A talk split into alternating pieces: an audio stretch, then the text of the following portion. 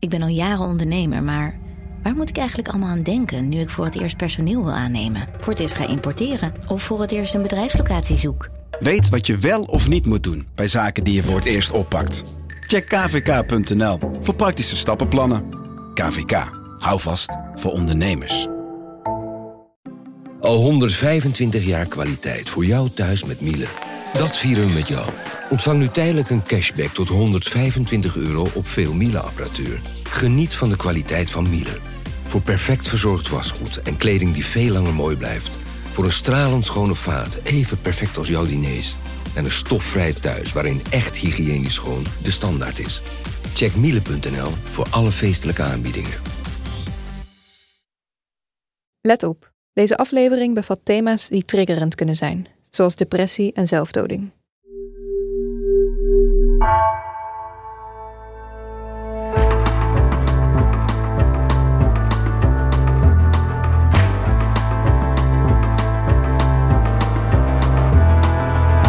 Welkom bij het uur. Met Naas praat ik dit uur. Zelden race een ster zo snel in de Nederlandse muziekwereld als Naas. Awards, lovende recensies, internationale erkenning. En toen ineens werd het stil rond Naas. Twee jaar lang hoorden we weinig. Maar inmiddels is ze terug met nieuwe muziek en een optreden in Carré. Tijdens dat optreden wil ze ook iets vertellen over geestelijk welzijn. Ik wil van haar weten hoe ze in die 2,5 jaar veranderd is. We komen te spreken over trauma's, overlevingsmechanismen en natuurlijk over muziek. Hoe een dochter van Koerdisch-Iraakse vluchtelingen haar weg vond naar internationaal succes. Welkom bij het Uur met Naas. Mijn naam is Pieter van der Wielen. Naas, welkom. Wat, uh, Hallo. wat leuk dat je er bent. Ja, dankjewel. Ik vond het echt een mooi muziekstuk net. Onze tune, ja. Ja, ik wat fijn dat je dat zegt. Daar ben ik, ben ik trots op. Dat, dat hebben we hier eh, met- een, een soort eh, co-productie van, Oh. van, van de componisten die dat. ja, het is, het is een. Het, moet ook een beetje een soort spanning hebben en, en Ja, dat soort dingen. ik zat er helemaal in. Ik dacht, oeh, nice. Kreeg je ook meteen inspiratie voor, voor eigen stukken? Van oh, zo, zo moet het zijn? Of, Ja, ik, ik luister gewoon altijd heel analytisch naar alles. Dus als ik dan dit hoor, denk ik, oh, dat vind ik wel echt een goede, passende intro voor NRC. Dat vind ik helemaal leuk dan, dat dat, dat, eh, dat het zo goed is. we, we, zochten, we zochten naar iets dat aan de ene kant vrolijkheid uitstraalt, energie, maar waar dan ook een, een soort mineur onder zit. Ja, dus precies. een droevige toon. Ja, En, en dat was omdat ik, dat ik op een gegeven moment had iemand me daarop gewezen waarom We Are the Champions het mooiste lied ooit is. Dat nemen we dan maar aan, We Are the Champions. Omdat daar een mineurakkoord in dat euforische refrein zit. ja, En dat, dat Ja. in dat mineurakkoord, oeh, we zijn, de- zijn kampioenen. Daar zit eigenlijk alles wat hij heeft moeten doen en Ja. overwinnen om daar te komen. De, de lange lijdensweg er naartoe. Maar het is heel interessant als je dat zegt, want eh, toen ik mijn eerste EP aan het maken was, toen was het nog bij mijn ouders thuis, ehm, probeerde ik eigenlijk het tegenovergestelde te doen. Ik maakte heel vaak hele minor-achtige tracks. En dan ging ik er expres in de productie heel veel major-achtige dingen bij toevoegen, om toch een gevoel van euforie te creëren. En eh, die tegenstelling in emoties ehm, te veroorzaken. Dat het echt iemand een soort verwarring geeft. Van, word ik blij van dit meisje of word ik heel verdrietig van haar? Ehm, en het is grappig, want eh, laatst was ik aan het repeteren met mijn band. En toen had ik een nieuw nummer geschreven. En toen zei mijn violist... Is dat nou een major akkoord in een naastrek? dus eh, ja, het, is ehm, grappig om, om die twee werelden bij elkaar te brengen. En wat dat ook veroorzaakt in hoe iemand reageert op de muziek. En hoe we dat niet zo snel per se doorhebben. Totdat iemand het ehm, analyseert voor ons. Het is, het is natuurlijk gewoon ook hoe emoties werken. Ja, Je, je bent, bent vrolijk, maar eronder kan verdriet liggen. Of je kan feesten juist om je problemen te vergeten. ja is heel of mooi. alles kan- zwart-wit. kan eruit zien als glamour en succes, terwijl je daaronder een, een, een traan verbergt. Ja, Al die dingen gaan hand in hand. een mooie brug. Hoe, hoe begint zo'n liedje bij jou eigenlijk? Met, met het gevoel, met het akkoord, met een, een melodietje, met de tekst? Ehm, ik schrijf op heel veel verschillende manieren. Ehm, maar vaak hoor ik gewoon ineens iets en dan moet ik het schrijven. Dus veel mensen om mij heen die weten ook dat ik mid gesprek ineens mijn telefoon pak en iets typ. Of ineens een voice memo moet maken. Ehm, en ik denk dat mijn hoofd zit vaak helemaal vol met gedachten. En dan moet ik daar even wat van opschrijven. En veel van de bestandjes die ik heb van nummers die ik heb gemaakt. Ik verwijder nooit wat. Dus ik verwijder nooit de eerste zinnetjes die ik heb geschreven of de eerste voice memo's. Je hoort me eigenlijk bijna altijd hijgen, omdat ik ergens aan het lopen ben. Of ik ben in de auto gestrest snel een voice memo aan het maken. Of ik... En dan komt het in de, in de actie. Ja, eigenlijk ben ik altijd wel aan de actie. Ik kan, ik kan ook wel mezelf aanzetten. Hè? Van oké, nu ga ik muziek maken. Maar de beste nummers komen heel natuurlijk. Zomaar, als je ze niet verwacht, als het eigenlijk niet uitkomt. Op weg ergens Ja. naartoe, je hebt er eigenlijk geen tijd voor en daar zijn ze. Ja, maar tegelijkertijd heb ik ook weer wel tijd voor, want dat is wat iedereen van mij wil, toch? Dat ik muziek maak. Dus, dus dan denk ik van, jongens, Het moet voorgaan. Het Dit-. Dit, dit is je werk. ja. Ja, nou ja, niet alleen mijn werk. Ik denk, eh, vaak wordt er gezegd tegen je als artiest van... hey, het is niet alles, hè. Je, bent niet, je bent niet je muziek, maar bij mij wel. Ik ben wel echt mijn muziek.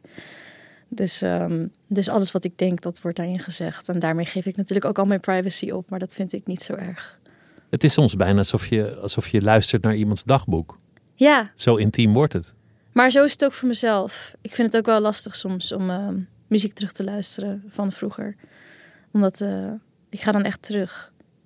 Ik Terug, het- terug naar de emoties en de, de dingen die je toen aan de hand had. Ja, het is vergelijkbaar tot ja, als je niet muzikant bent. Dat als je eh, iets ruikt, wat eh, ruikt als iets wat je vroeger hebt gezien of meegemaakt in een specifiek moment. En je wordt helemaal teruggebracht. Ik probeer ook tegenwoordig mijn muziek heel erg te herassociëren. Dus eh, bepaalde nummers probeer ik een nieuw, nieuw leven te geven. Heel veel nummers zing ik tegenwoordig naar mijn hond toe. Doe ik al een paar jaar. dat helpt heel erg. Want anders zou het confronterend zijn als je nu liedjes in een concert zou moeten zingen. Die gaan over dingen die een paar jaar geleden gebeurd zijn in jouw leven. Ja, vroeger deed ik er heel tof over, alsof ik dat niet moeilijk vond. Maar uiteindelijk merk ik toch wel van, oh ja, dat heeft wel echt een invloed op je. Dus tegenwoordig probeer ik wel ehm, eigenlijk een soort realiteit opnieuw, een soort opnieuw te associëren met nieuwe dingen. Zodat ik er een positieve wending aan kan geven, zodat ik het aan kan. Dat is ook het mooie aan muziek, dat het een eigen leven kan leiden. Een liedje kan geschreven zijn over iets, maar een heel andere betekenis krijgen door een andere context. Ja, inderdaad. En ik denk dat dat ook het leuke is van eigenlijk Mama Appelsap, maar dan niet letterlijk Mama Appelsap, maar meer dat je als kind dan bijvoorbeeld een liedje meezingt en denkt dat het over iets gaat. En dan jaren later denk je ineens, holy shit, het ging hierover. Mama Appelsap is letterlijk dat je de tekst verkeerd ver- verstaat. Precies, maar in dit keer dat je de, de betekenis van de tekst verkeerd verstaat, verstaat dan voor mij. Ehm, en als je dan jaren later denkt van, oh wow, het ging over heel iets anders, maar ik eh, gun het mezelf om de waarde hetzelfde te houden. Je, je zei het is alvast een mooi bruggetje toen, toen ik zei van het, emoties kunnen eh, zeg maar veelzijdig zijn. Verdriet en euforie kunnen samengaan. Ja, Toen zei je, dat is een mooi bruggetje, een mooi bruggetje naar geestelijk welzijn. ja, Want- daar gaat het vaak ook over in, jouw in jouw teksten, in jouw liedjes. Ja, zeker. Ehm, ja, het is, ehm, het, is een, het is een mooie brug ook op het vlak van wa- wat we het net hadden over dat Maier en... eh eh, het- Maier is het toch? Of Major? Ik weet niet waarom ik het ineens niet weet. Het is heel gek. Ik denk- Major, major mag voor mij ook. Ja, joh. toch? Oké. Ja, joh. Ehm, maar voor mij vroeger, toen ik mijn eerste plaat aan het maken was, toen was ik tussen de 17 en 19 jaar oud. Ehm, en toen maakte ik nog alles zelf en thuis. Ehm, en veel van de dingen die ik schreef destijds waren heel donker en heel verdrietig. Ehm, ze waren donkerder dan wat ik nu maak. eh, ook omdat ik destijds nog geen medicatie had bijvoorbeeld, maar wel eh, al leed aan heel veel eh, ja, verschillende mentale, ik wil het niet ziektes zeggen, maar gewoon afwijkingen op dat moment die ontstaan waren door situaties in mijn leven. Ehm, waardoor alles wat ik schreef was vaak heel duister, heel donker, heel verdrietig. Ik heb ook veel meer muziek gemaakt dan wat ik heb uitgebracht. Ehm, en het was lastig voor me, want ik schreef het, ik componeerde het, ik eh, nam het op, ik vocal produceerde het, ik produceerde het.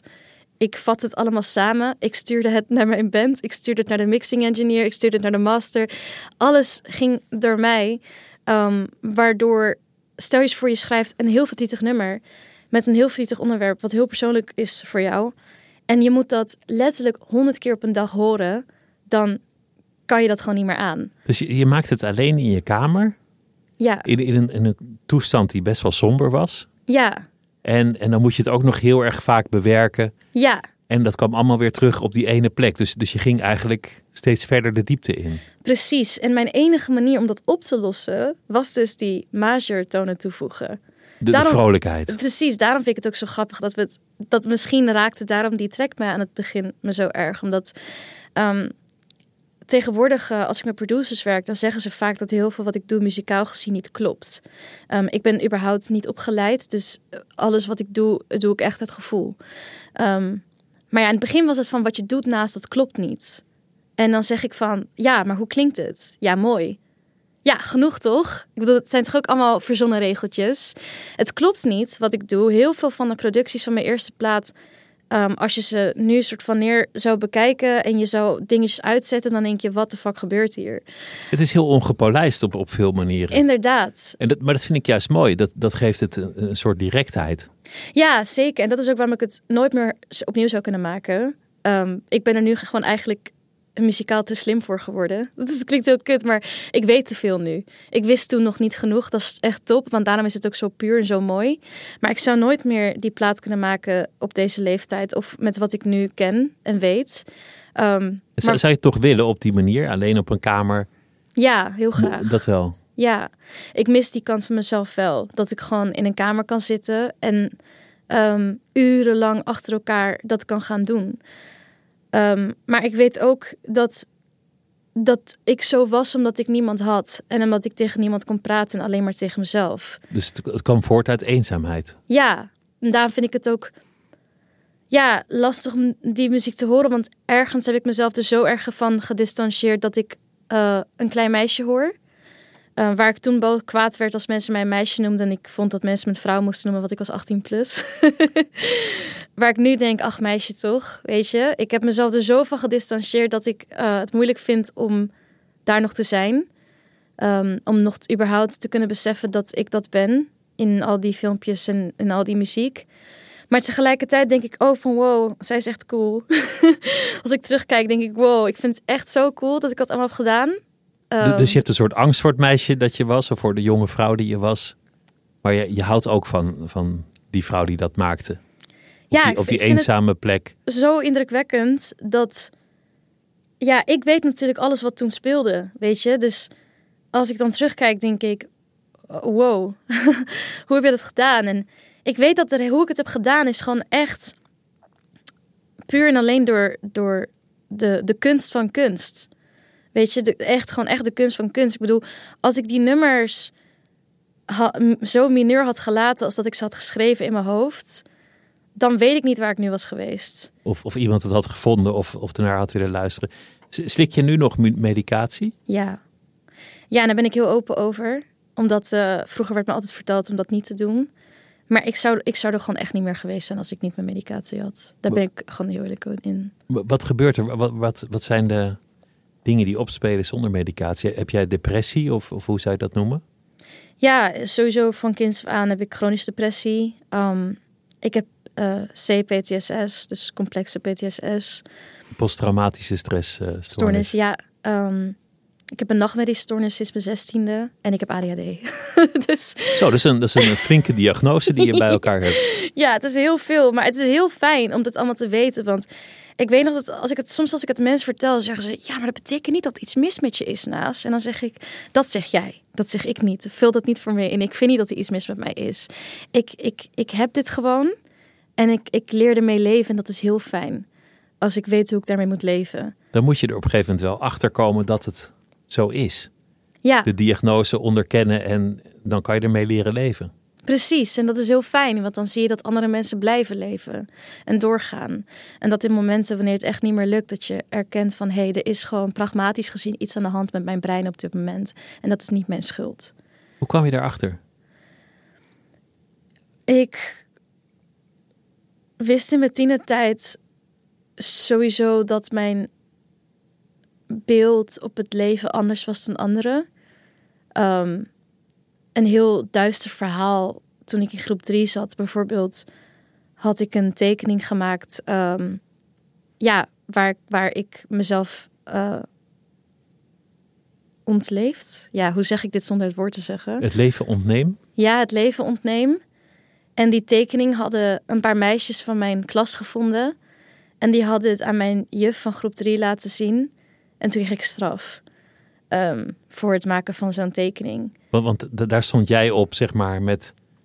Ik stel me voor een touw om je nek of, Ja. of iets anders, iets lugubers. Ja, En waarom kreeg je daar dan straf voor? Ja, dat vraag ik me ook af.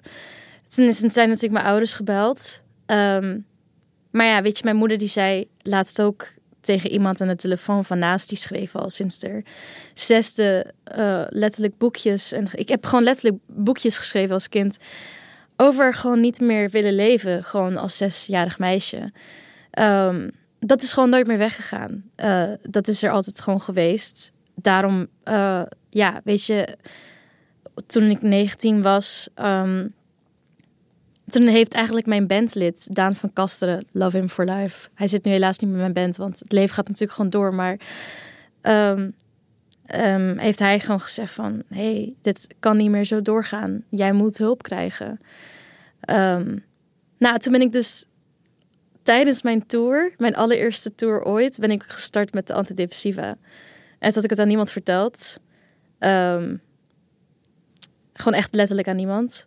En toen moest ik alleen maar gapen tijdens de hele tour, want dat is een van de, van de bijwerkingen. Maar ja, langzamerhand. Want je, je raakt een beetje versuft door, Ja. door die medicatie. Ja, ja, je gaat er. Het is gewoon heel, heel gek bij. Je kan gewoon ineens. Sommige mensen gaan er gewoon elke drie seconden van gapen. Het is gewoon voor een maandje of twee, totdat je lichaam eraan went. Maar dit was een heel groot moment, want, want, want jij maakt die muziek vanuit een, een depressie in je kamer, stuurt het de wereld in en dan vindt het ineens een enorm publiek. Je, hebt- je hebt Ja, God weet hoeveel Edisons gewonnen. Je kreeg lovende recensies. Je stond op, op festivals, uitverkochte zalen. Je ging, ging op tournee echt door alle hoeken van Europa. Kwam op, op hele prestigieuze plekken. Iedereen geïnteresseerd. Iedereen denkt, dit is de grote nieuwe ster. En jij bent aan het gapen omdat je op dat moment net aan de medicatie bent begonnen. Ik ja, Ehm, vind het ook wel een grappig contrast Ik vind het ook wel grappig. Maar dat is het ding. Als ik terugkijk, vind ik heel veel dingen gewoon heel grappig. ook als ik filmpjes terugzie van mezelf van toen. Het is, ja, het is vrij komisch eerlijk gezegd. Want aan het einde van de dag, als ik straks 80 ben en ik kijk terug, denk ik wel van... Het is wel een interessant verhaal. Het is wel een goed verhaal. Je, leven, je leven is een goed verhaal. ja. Meer kan je soms niet vragen. Het is misschien ook wel een gevaarlijke situatie als je jong bent, onervaren en je komt, komt in een plek waar iedereen iets van je wil. Namelijk, Ja. jij bent de ster en je, en je zit in de muziekindustrie. En je bent geestelijk niet helemaal stabiel. Want je bent net aan het uitvinden dat je depressie hebt en je begint aan nieuwe medicatie en al dat soort dingen. Hmm. Het lijkt me ook een kwetsbare positie. Ja, daar valt niet over te twijfelen. Het was heel kwetsbaar en het was heel, heel, heel moeilijk. Ehm, ik eh, kan me eigenlijk bijna niks van mijn carrière herinneren, eerlijk gezegd. Dus als je al die dingen opnoemt, denk ik van wow, dat was ik dus ook. Je, je kan het je niet herinneren omdat het een beetje aan je voorbij is gegaan. Nou ja, meer van.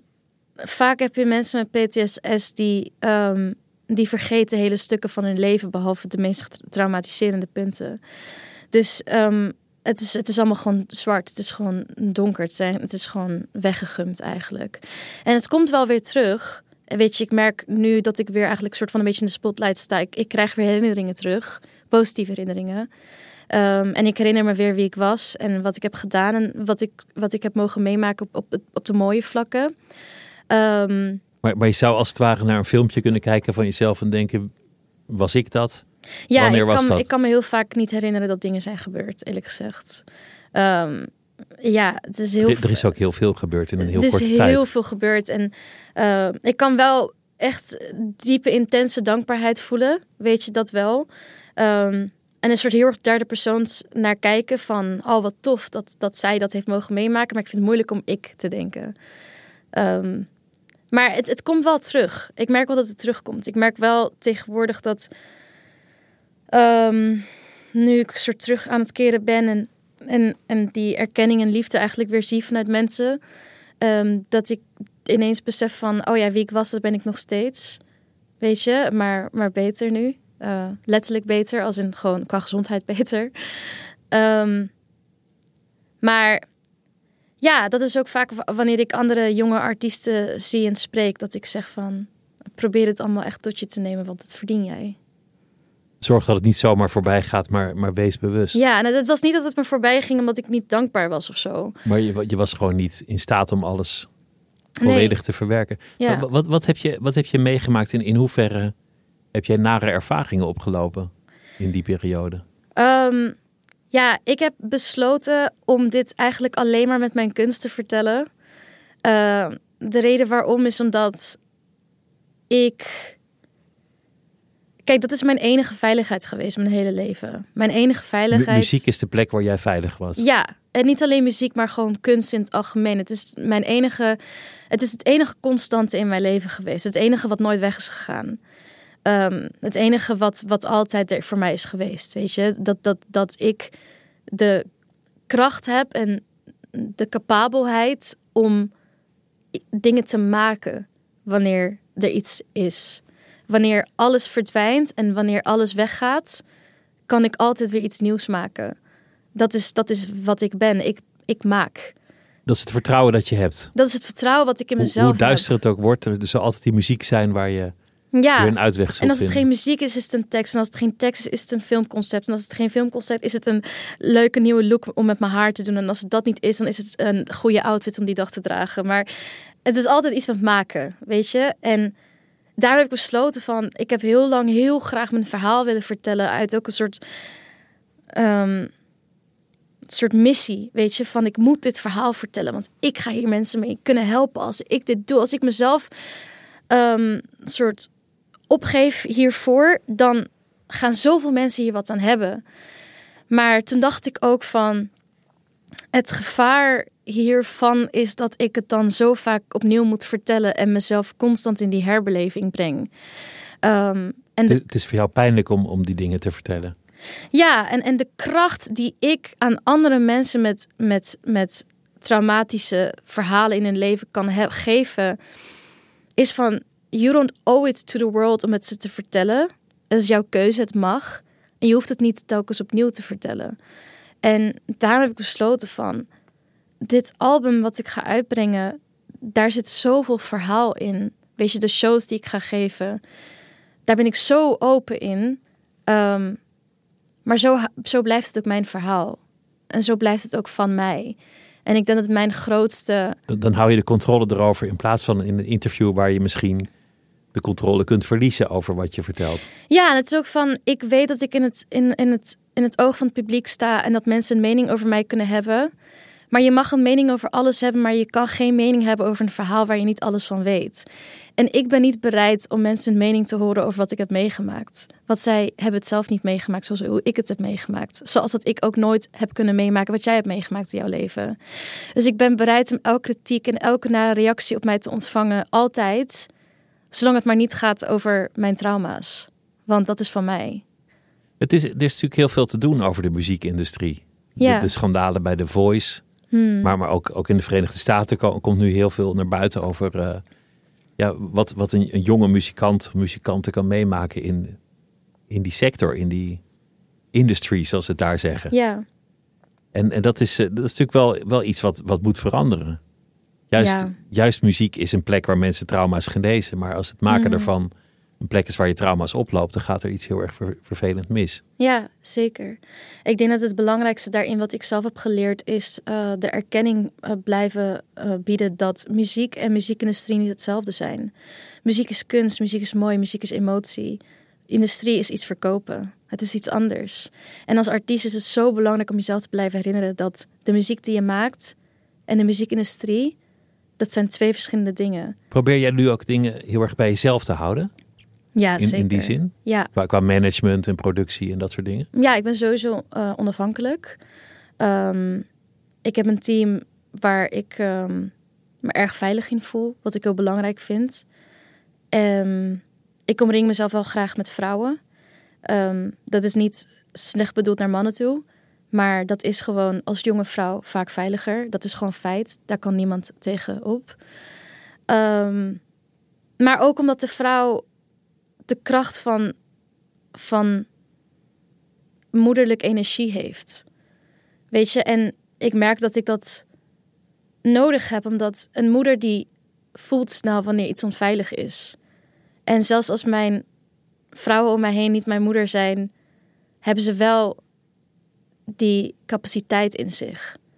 En dan weet ik van dat ik soort wolven om me heen heb die voor me aan het uitkijken zijn. Dat je er niet alleen voor staat in die Ja. zin. Ja. Als, als we teruggaan naar dat, dat, die kamer waar je begon, waar je die muziek maakte. Hmm. Toen, toen kon jij niet weten dat het, dat het zo de wereld in zou gaan. Dat het zo succesvol zou worden, dat zoveel mensen het zouden gaan beluisteren, ontleden, Hmm. er een mening over zouden hebben. Had je toen het idee dat je het zou uitbrengen? Ja, ik ben, Dat heel, wist je meteen. ik ben heel strijdlustig. Dus eh, vanaf zes jaar oud, ik ga artiest worden. Dat ging, niemand ging dat ooit tegenhouden. En er is, echt, is echt veel gedaan om mij tegen te houden. En het is, het is nooit gelukt. Door wie? Ja, door van alles en iedereen. Ehm, ik ehm, ehm, heb door veel... heb- heb- Ik heb door veel... ja, ik, kan, ik ken nooit die Nederlandse gezegdes. Zo vervelend. Dus er van, door, door wind en, wind en vuur. Wind en regen? Ja, nou ja, wind en regen. Wind en tegenwind? Of, ja, ik, weet, het- ik weet het eigenlijk ook niet. Ehm, heb ik het wel echt waar gemaakt. Ik bedoel, een grappig verhaal die ik nu echt wel durf te vertellen, omdat mijn ouders nu heel ver weg wonen, is, is ehm, ik, ik, ik deed VWO op de middelbare school. En ik was gewoon goed in, in school. Ik leerde heel goed. Ik was heel gedisciplineerd. Ehm, toen heb ik mijn school gevraagd in de vijfde klas, vijfde klas VWO. Willen jullie mij laten zakken naar HAVO en tegen mijn ouders zeggen dat ik gezakt ben? En toen hebben zij gezegd, hoezo? Ben je gek? Waarom? En toen zei ik, ja, want als ik VWO afstudeer, dan ga ik sowieso naar de universiteit moeten. En als ik naar de universiteit ga, dan ga ik niet muziek kunnen doen. En als ik niet muziek ga kunnen doen, ga ik waarschijnlijk eindigen eh, dat ik moet trouwen met iemand waar ik niet eens van hou. En een soort hele serieuze baan heb wat ik niet wilde. En dan heb ik gewoon het standaard leven wat ik niet kan accepteren. En toen heeft mijn school, dat is voor me gedaan, tegen mijn ouders gezegd dat ik gezakt ben. eh, en mij naar HAVO laten gaan. Nou, toen heb ik met twee vingers in mijn neus HAVO afgerond. Toen heb ik mij ingeschreven voor eh, toegepaste psychologie in Amsterdam. Omdat ik wist dat ik niet aangenomen zou worden. Eh, ik had gezien dat er een wachtlijst was van meer dan 800 mensen. Ehm, en ik had zeker niet goed genoeg cijfers daarvoor. Maar, maar je kon niet tegen je ouders zeggen: Pap, mam, ik wil muziek gaan maken. Dat hadden ze niet geaccepteerd. Op nee, dat moment. op dat moment niet. Op dat moment niet. Want, want zij dachten gewoon: doe nou maar iets met een zekere toekomst. Ja, en, en kijk, op deze leeftijd, ik kan heel goed begrijpen van mijn ouders als je vlucht van een land en je wilt je kinderen een beter leven geven en jouw kind zegt, ik wil als vrouw muzikant worden, dat je denkt, oh mijn god, nee.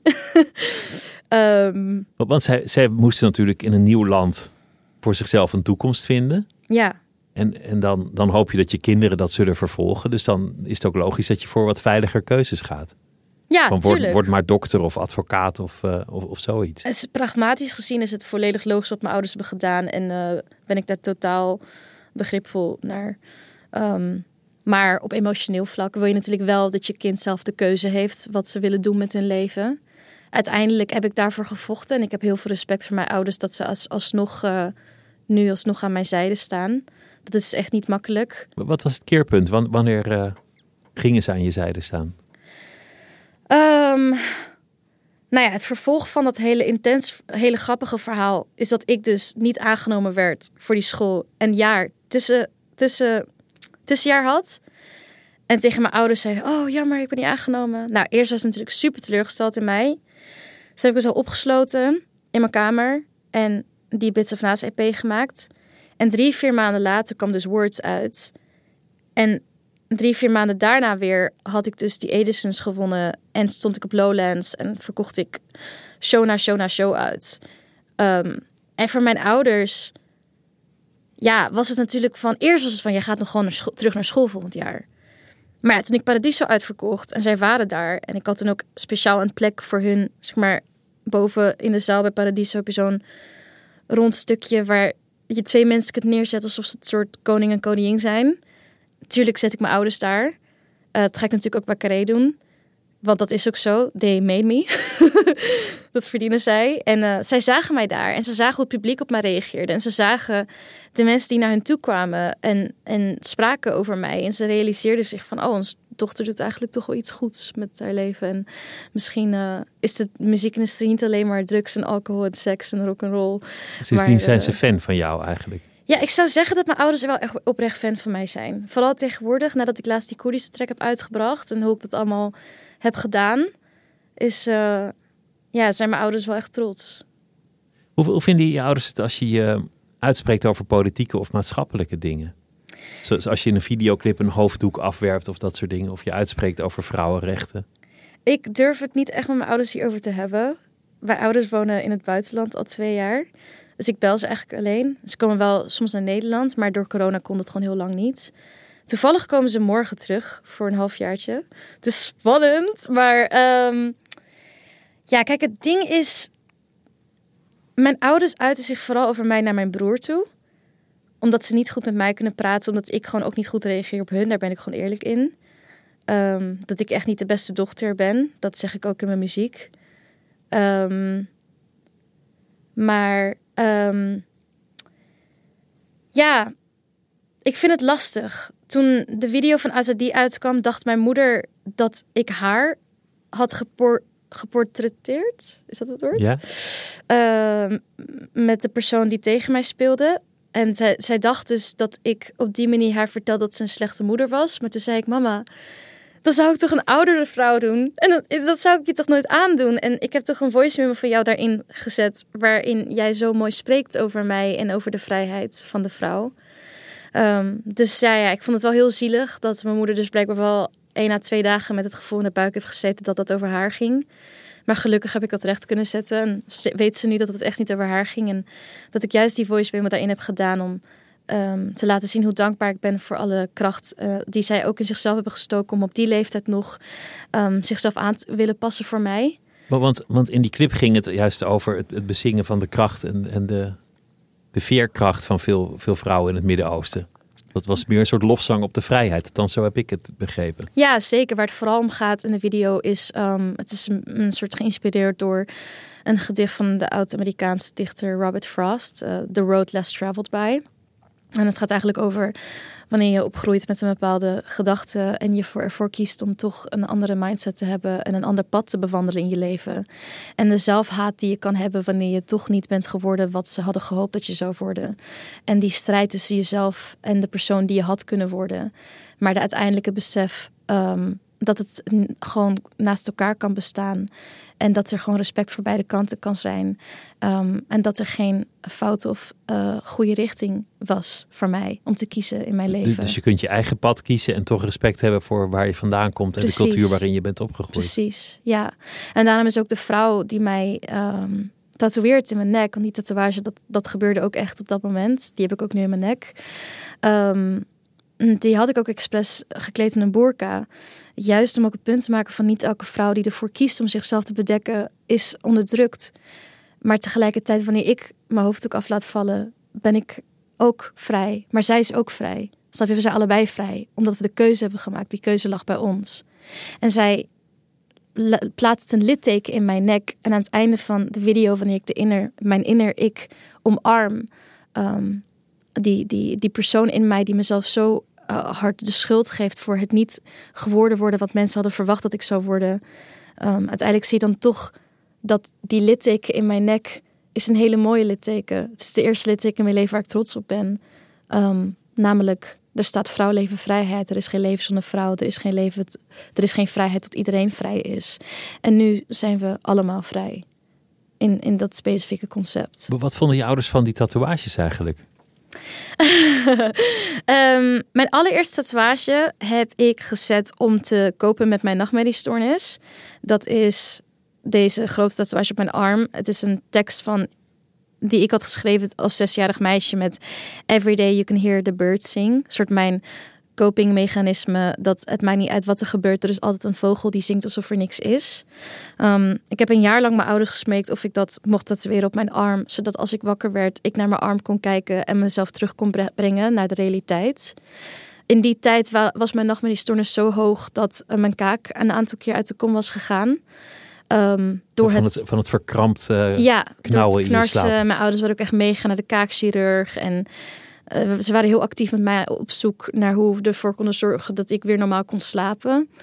Um, en uiteindelijk heeft mijn vader, die zelf ook kunstenaar is, weet je, hij is ook dokter natuurlijk, maar in zijn, weet je, um, toen hij twaalf was, had hij in Bagdad de prijs van beste tekenaar gewonnen. Hij is, hij is echt een kunstenaar. Hij heeft het gewoon nooit kunnen doen, omdat het leven dat zich niet heeft toegelaten. Maar heb ik hem gezegd: Papa, laat me alsjeblieft. Het is geen tatoeage, het is kunst op mijn lichaam. Alsjeblieft, je weet dat ik kunst adem. Je weet dat dat de enige reden is dat ik er nog ben. Please. En toen mocht ik voor mijn verjaardag een tatoeage zetten. Dus niet dat zij het voor mij gingen betalen of zo, maar de toestemming om voor mijn verjaardag een tatoeage te mogen hebben. Dat heb ik eens gedaan. En alle andere tatoeages heb ik stiekem gedaan. Oh, dat, weten ze ook nog steeds niet. Nee, ja, ze zien het natuurlijk wel. Maar het is voor mijn ouders, die hebben het wel een klein beetje opgegeven om tegen mij in te gaan. Want ze weten nu wel van, ik doe wel echt gewoon wat ik wil. Die gaat gewoon haar eigen gang. Ja, ja. Is, is, is jouw post- posttraumatische stressstoornis ook het trauma van je ouders? Ja, zeker. Ik denk eh, dat elke, elk kind van immigranten dat zou kunnen zeggen. Maar, maar jouw ouders zijn niet alleen immigranten, maar ook echt vluchtelingen. Ja, En hebben dus ook een vluchtverhaal, komen uit een oorlogsgebied. ja, Eh, een, een volk dat heel heftig vervolgd is onder Saddam. Een gruwelijke geschiedenis die we hier niet hoeven te behandelen, maar die, die echt afgrijzelijk is. zeker. Ja. Wat, wat weet jij daar eigenlijk van, van wat je ouders hebben meegemaakt? Mm, ik weet wel veel. Ze vertelden er veel over vroeger. Ehm, ik denk ook omdat ze zich niet gezien voelden door hun kinderen, denk ik. Omdat wij als kinderen ook niet begrepen waarom onze ouders zo verdrietig waren de hele tijd. Ehm, en ik denk dat zij dat heel erg soort wilden bewijzen aan ons door verhalen te vertellen van hoe erg het allemaal wel niet was. Iets wat ik nu zelf ook merk dat ik vaak doe, weet je. Van dat ik heel erg wil bewijzen van... Ja, maar het was echt erg, jongens. Please, geef me ruimte. Ehm, ehm, Hoe was dat voor jou als kind, als, als ze weer gingen vertellen over hun trauma's en over hoe erg het was? Dat is, dat is misschien niet heel leuk als kind om dat mee te maken, om, om in die energie ge- getrokken te worden. Nee, ik ehm, begrijp het natuurlijk wel. Want ik, die zelf nu PTSS heb, vind het ook moeilijk om het niet met mijn vrienden erover te hebben. Dus ik probeer ook soort heel vaak mezelf een soort stil te houden eigenlijk. Terwijl, ja, je moet er gewoon over kunnen praten. Maar je wilt mensen een dag niet verpesten.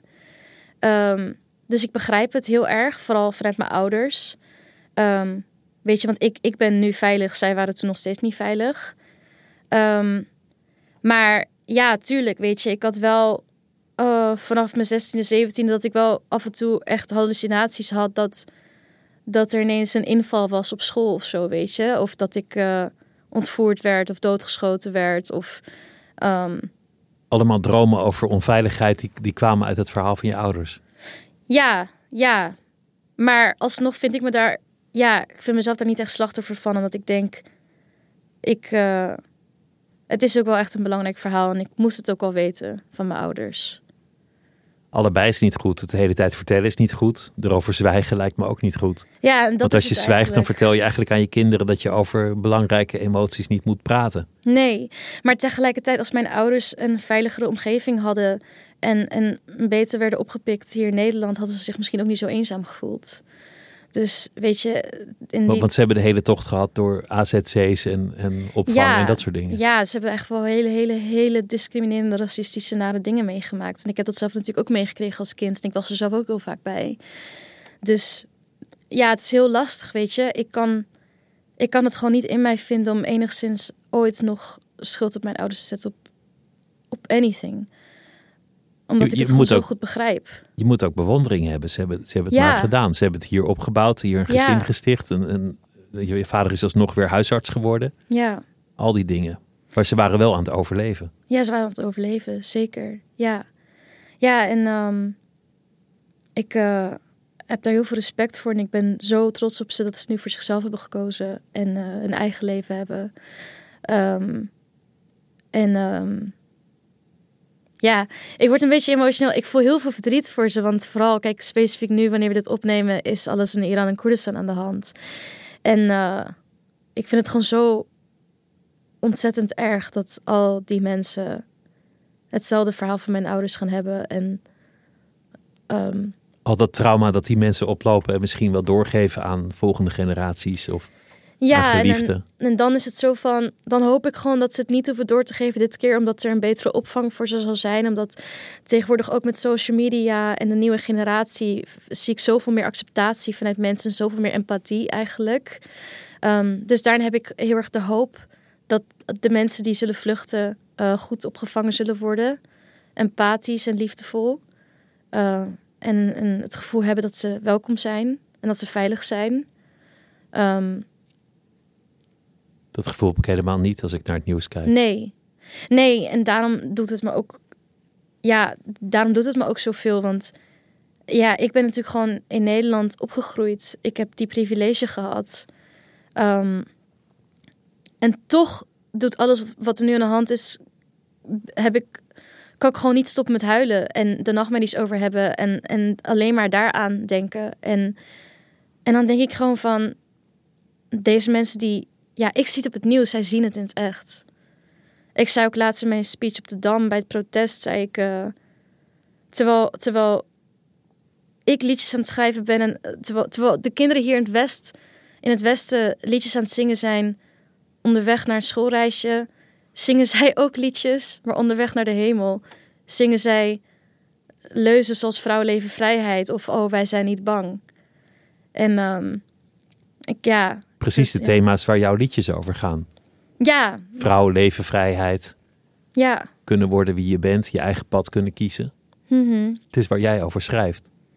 Ja, en een soort heel bizar ook voor, voor dit allemaal gebeurde. En dat is natuurlijk ook niet waarom het gebeurt natuurlijk altijd. Maar ik bedoel, voordat het zo hier in het Westen zo diep in het nieuws kwam. En voordat deze fingers crossed revolutie gebeurde.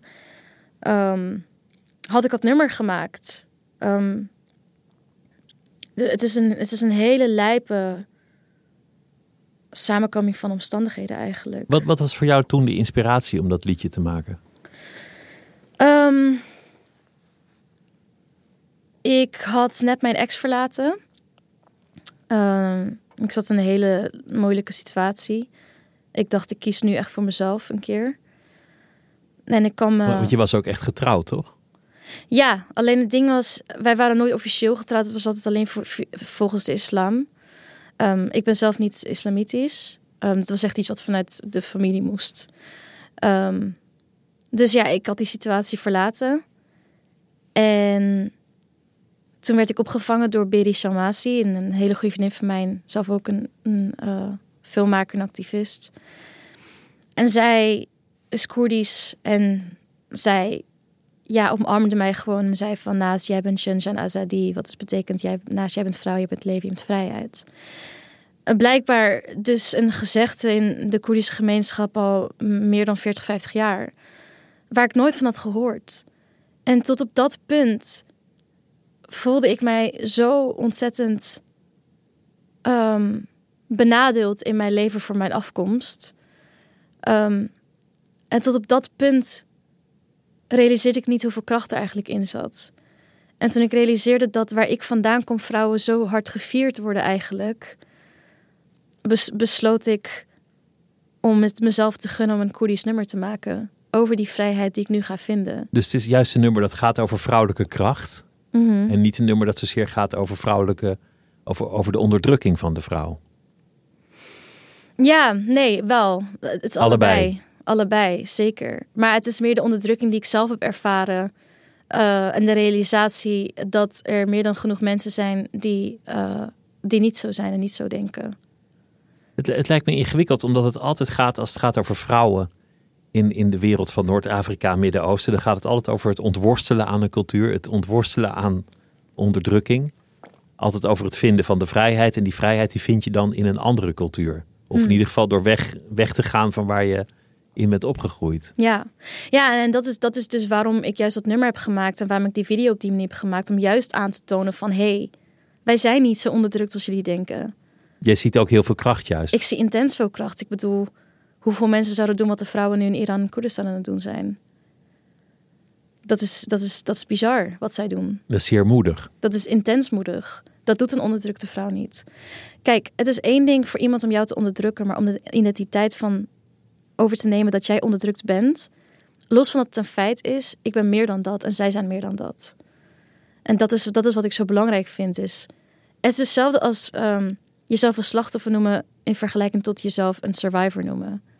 Het is misschien een soort van hetzelfde, maar het, is, het heeft een totaal andere leiding en mentaliteit. Of dus ze, ze worden wel onderdrukt, maar dat maakt je nog niet gedefinieerd als een onderdrukte vrouw. Je bent meer dan Precies, dat. Precies, ze zijn veel meer dan dat. Ze zijn extreem sterk en ze komen nog steeds voor zichzelf op. En dat zij dan alsnog te neergeslagen worden of letterlijk vermoord worden, betekent niet dat zij uh, zichzelf lieten onderdrukken. Het is angstaanjagend wat er nu gebeurt. Ja, zeker. Het is, het is moeilijk om optimistisch te zijn over hoe dit gaat aflopen.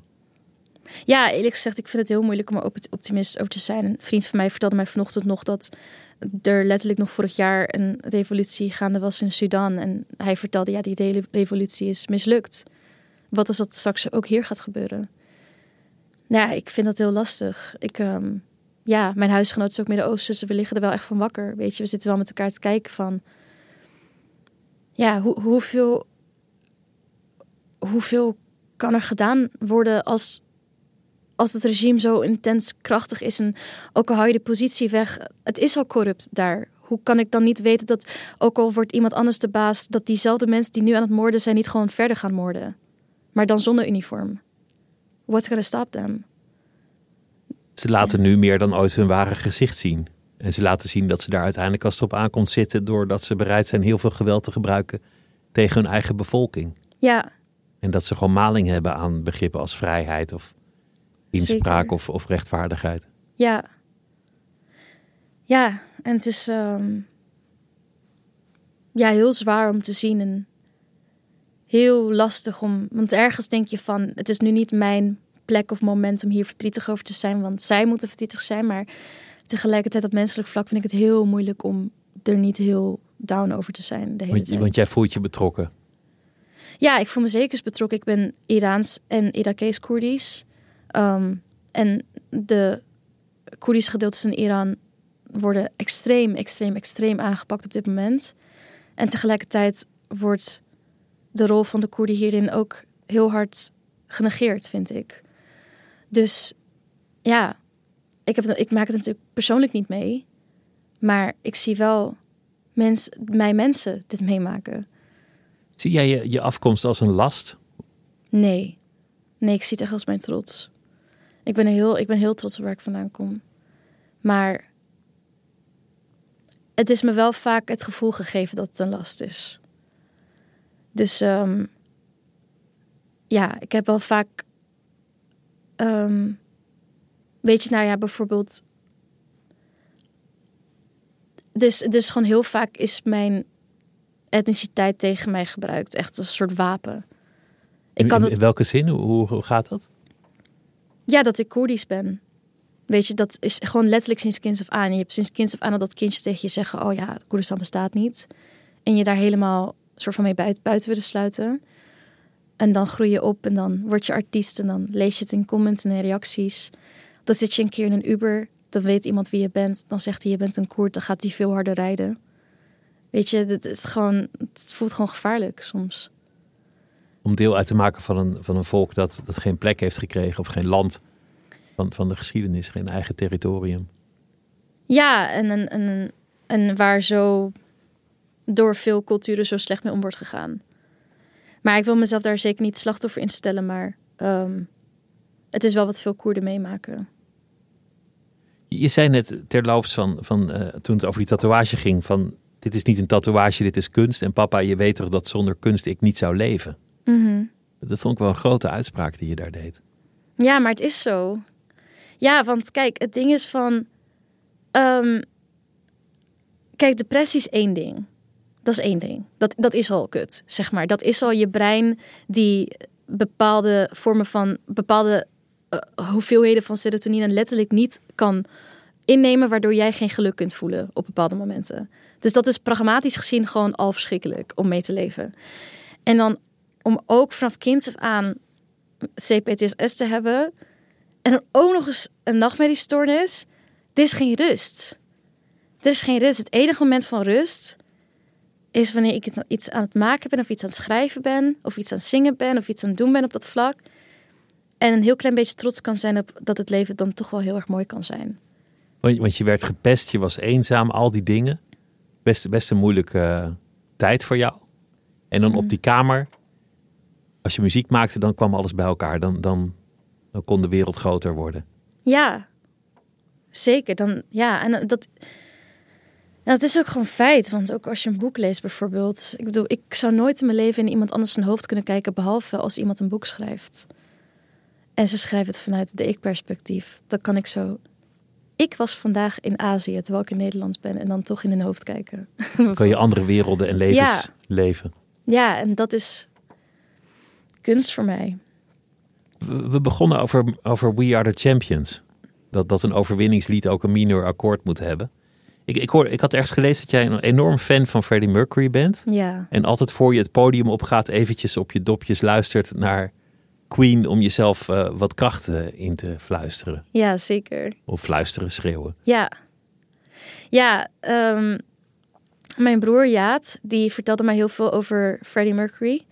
En ehm, op een gegeven moment, toen ik heel onzeker was of heel veel angst op, op, het podium te staan, toen dan ging ik gewoon telkens inbeelden. Ja, Freddie doet altijd zeg maar zijn postuur heel recht en zijn borst naar voren en dan doet hij zijn armen zo wijd. En toen ging ik dat een keer doen en toen merkte ik ineens dat het publiek heel aardig tegen me was. En toen dacht ik, ah, thanks Freddie. En toen leerde ik heel erg van Freddie dat eh, de manier hoe je zelf, je- de manier hoe je je soort gedraagt naar mensen toe, dat verandert heel erg hoe ze je behandelen. Maar het verandert ook hoe jij jezelf ziet. En als ik sterk en zelfverzekerd op het podium sta, dan zal het publiek veel eerder mij respecteren en zien voor wie ik ben. Want je had eerst podiumangst of je durfde dat niet.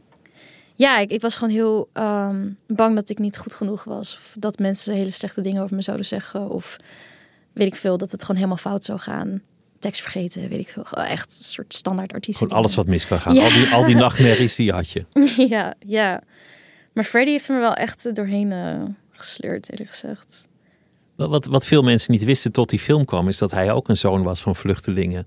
Ja, dat en dat hij uit een, niet. uit een Persische cultuur kwam. En Ja. dat hij eigenlijk helemaal niet zo'n fantastische achtergrond had in sociaal-maatschappelijke status. Maar dat hij echt een soort creatie van zichzelf was. Ja, Hij heeft zichzelf uitgevonden en op een dag besloten: ik kan een popster worden. En weet je wat, ik word gewoon de grootste. ja.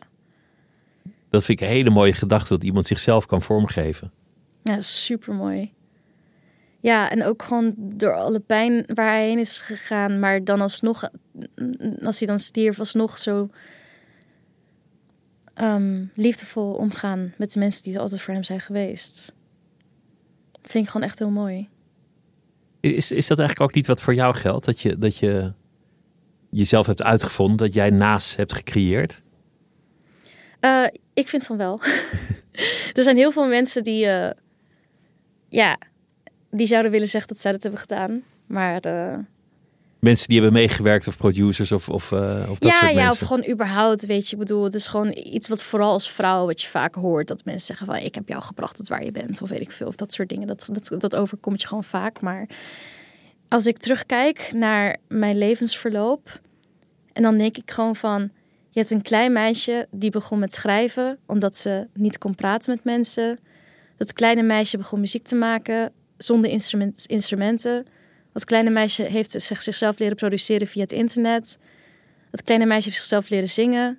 Dat kleine meisje heeft zichzelf gepitcht aan labels, aan radio, aan weet ik veel. Het kleine meisje heeft dat, die EP gemaakt. Dat kleine meisje heeft dat allemaal uiteindelijk gedaan. En het kleine meisje heeft ook de grens getrokken van tot hier en niet verder. Nu moet ik stoppen, nu moet ik helen.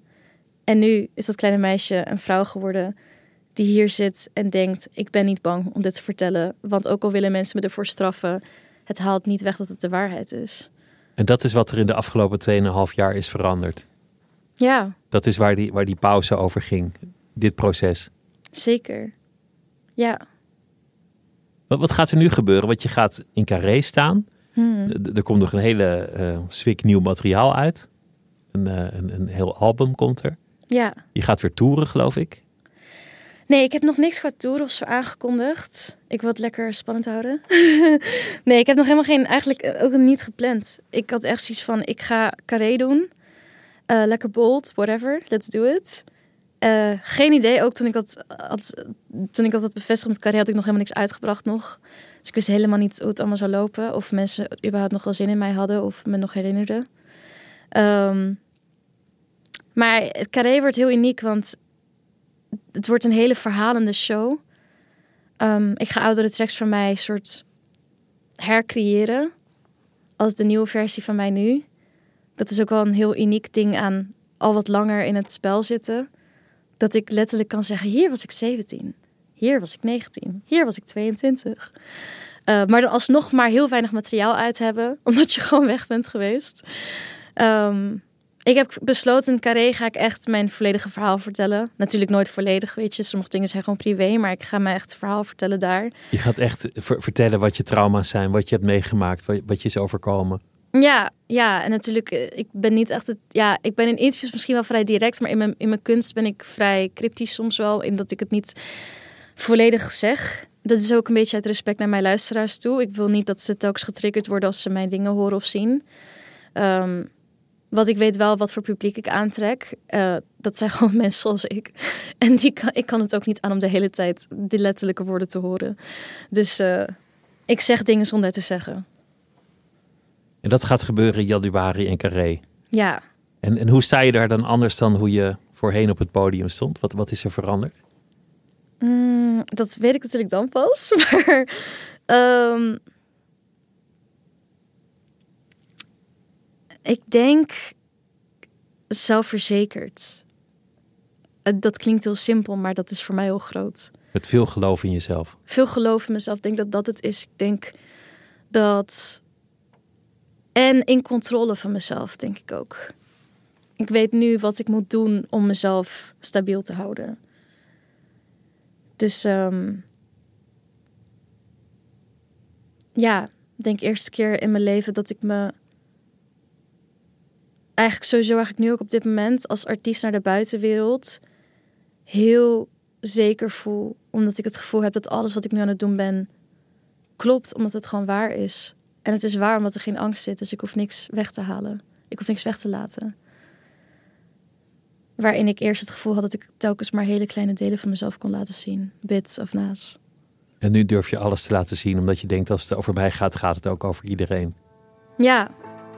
Ja, hoe persoonlijker, hoe universeler. Dankjewel. Het was uh, een, groot genoeg om met je te praten. En ik wens je heel veel uh, succes en vooral ook plezier uh, tijdens het optreden en alles wat op je pad gaat komen. Dankjewel. Dankjewel. Hm. Dit was Het Uur, een podcast van NRC. En de tune waar we het in het begin over hadden is geschreven door Rufus van Baardwijk. Het uur werd gemaakt door Els van Driel, Anouk van Kampen en Mira Zeehandelaar. Chef van de redactie is Anne Moraal en mijn naam is Pieter van der Wielen. Tot volgende week.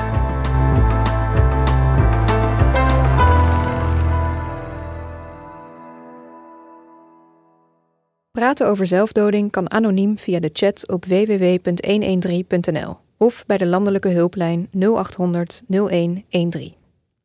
Technologie lijkt tegenwoordig het antwoord op iedere uitdaging. Bij PwC zien we dit anders. Als we de potentie van technologie willen benutten, kunnen we niet zonder een menselijk perspectief. Human-led, tech-powered noemen we dat. Ga naar pwc.nl.